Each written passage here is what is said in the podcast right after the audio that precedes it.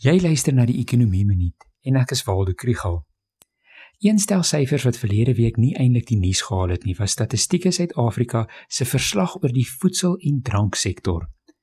Koffiewinkels, restaurante, kitskosverkopers en die spesieneringsbedryf is die afgelope 10 maande swaar getref deur die inperking, deur kapasiteitsbeperkings en die aandklokreël. Baie mense was versigtig om uit te eet en het eerder by die huis gebly en dit alles wys in die syfers.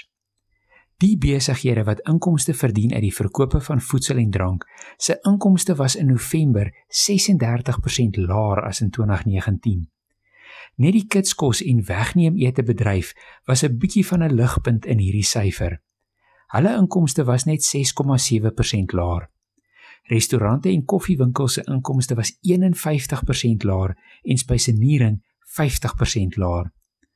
Onlangs moes restaurante ook weer plan maak met beerdkrag en natuurlik die aangepaste vlak 3 inperking se verbod op die verkoop van alkohol.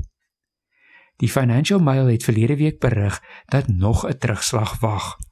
Van vandag af is nuwe bedingingsraadreëls in plek wat veroorsaak dat restaurante se oorhoofse koste maandeliks soos volg kan toeneem. R5 per werker vir bedingingsraad uitgawes. R3 vir geskiloplossing, 'n R25 algemene fooi, R12.50 vir 'n begrafnisvoordeel, 'n 5% bydrae van die werknemer se salaris vir 'n voorsieningsfonds, R17.50 van die werknemer waar werkers hulle eie uniforms moet was en dan ook 'n jaarlikse bonus gelykstaande aan 1 week se loone. Dit kom saam met 'n verpligte verhoging in uierlikse lone van inflasie plus 1,5% vanaf Mei maand. Dit alles kan oorhoofse koste met tot 16% verhoog.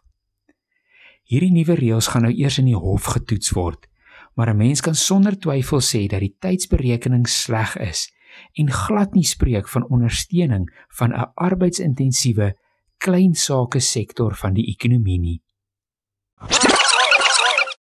As jy meer van die ekonomie wil leer, volg die ekonomie blok.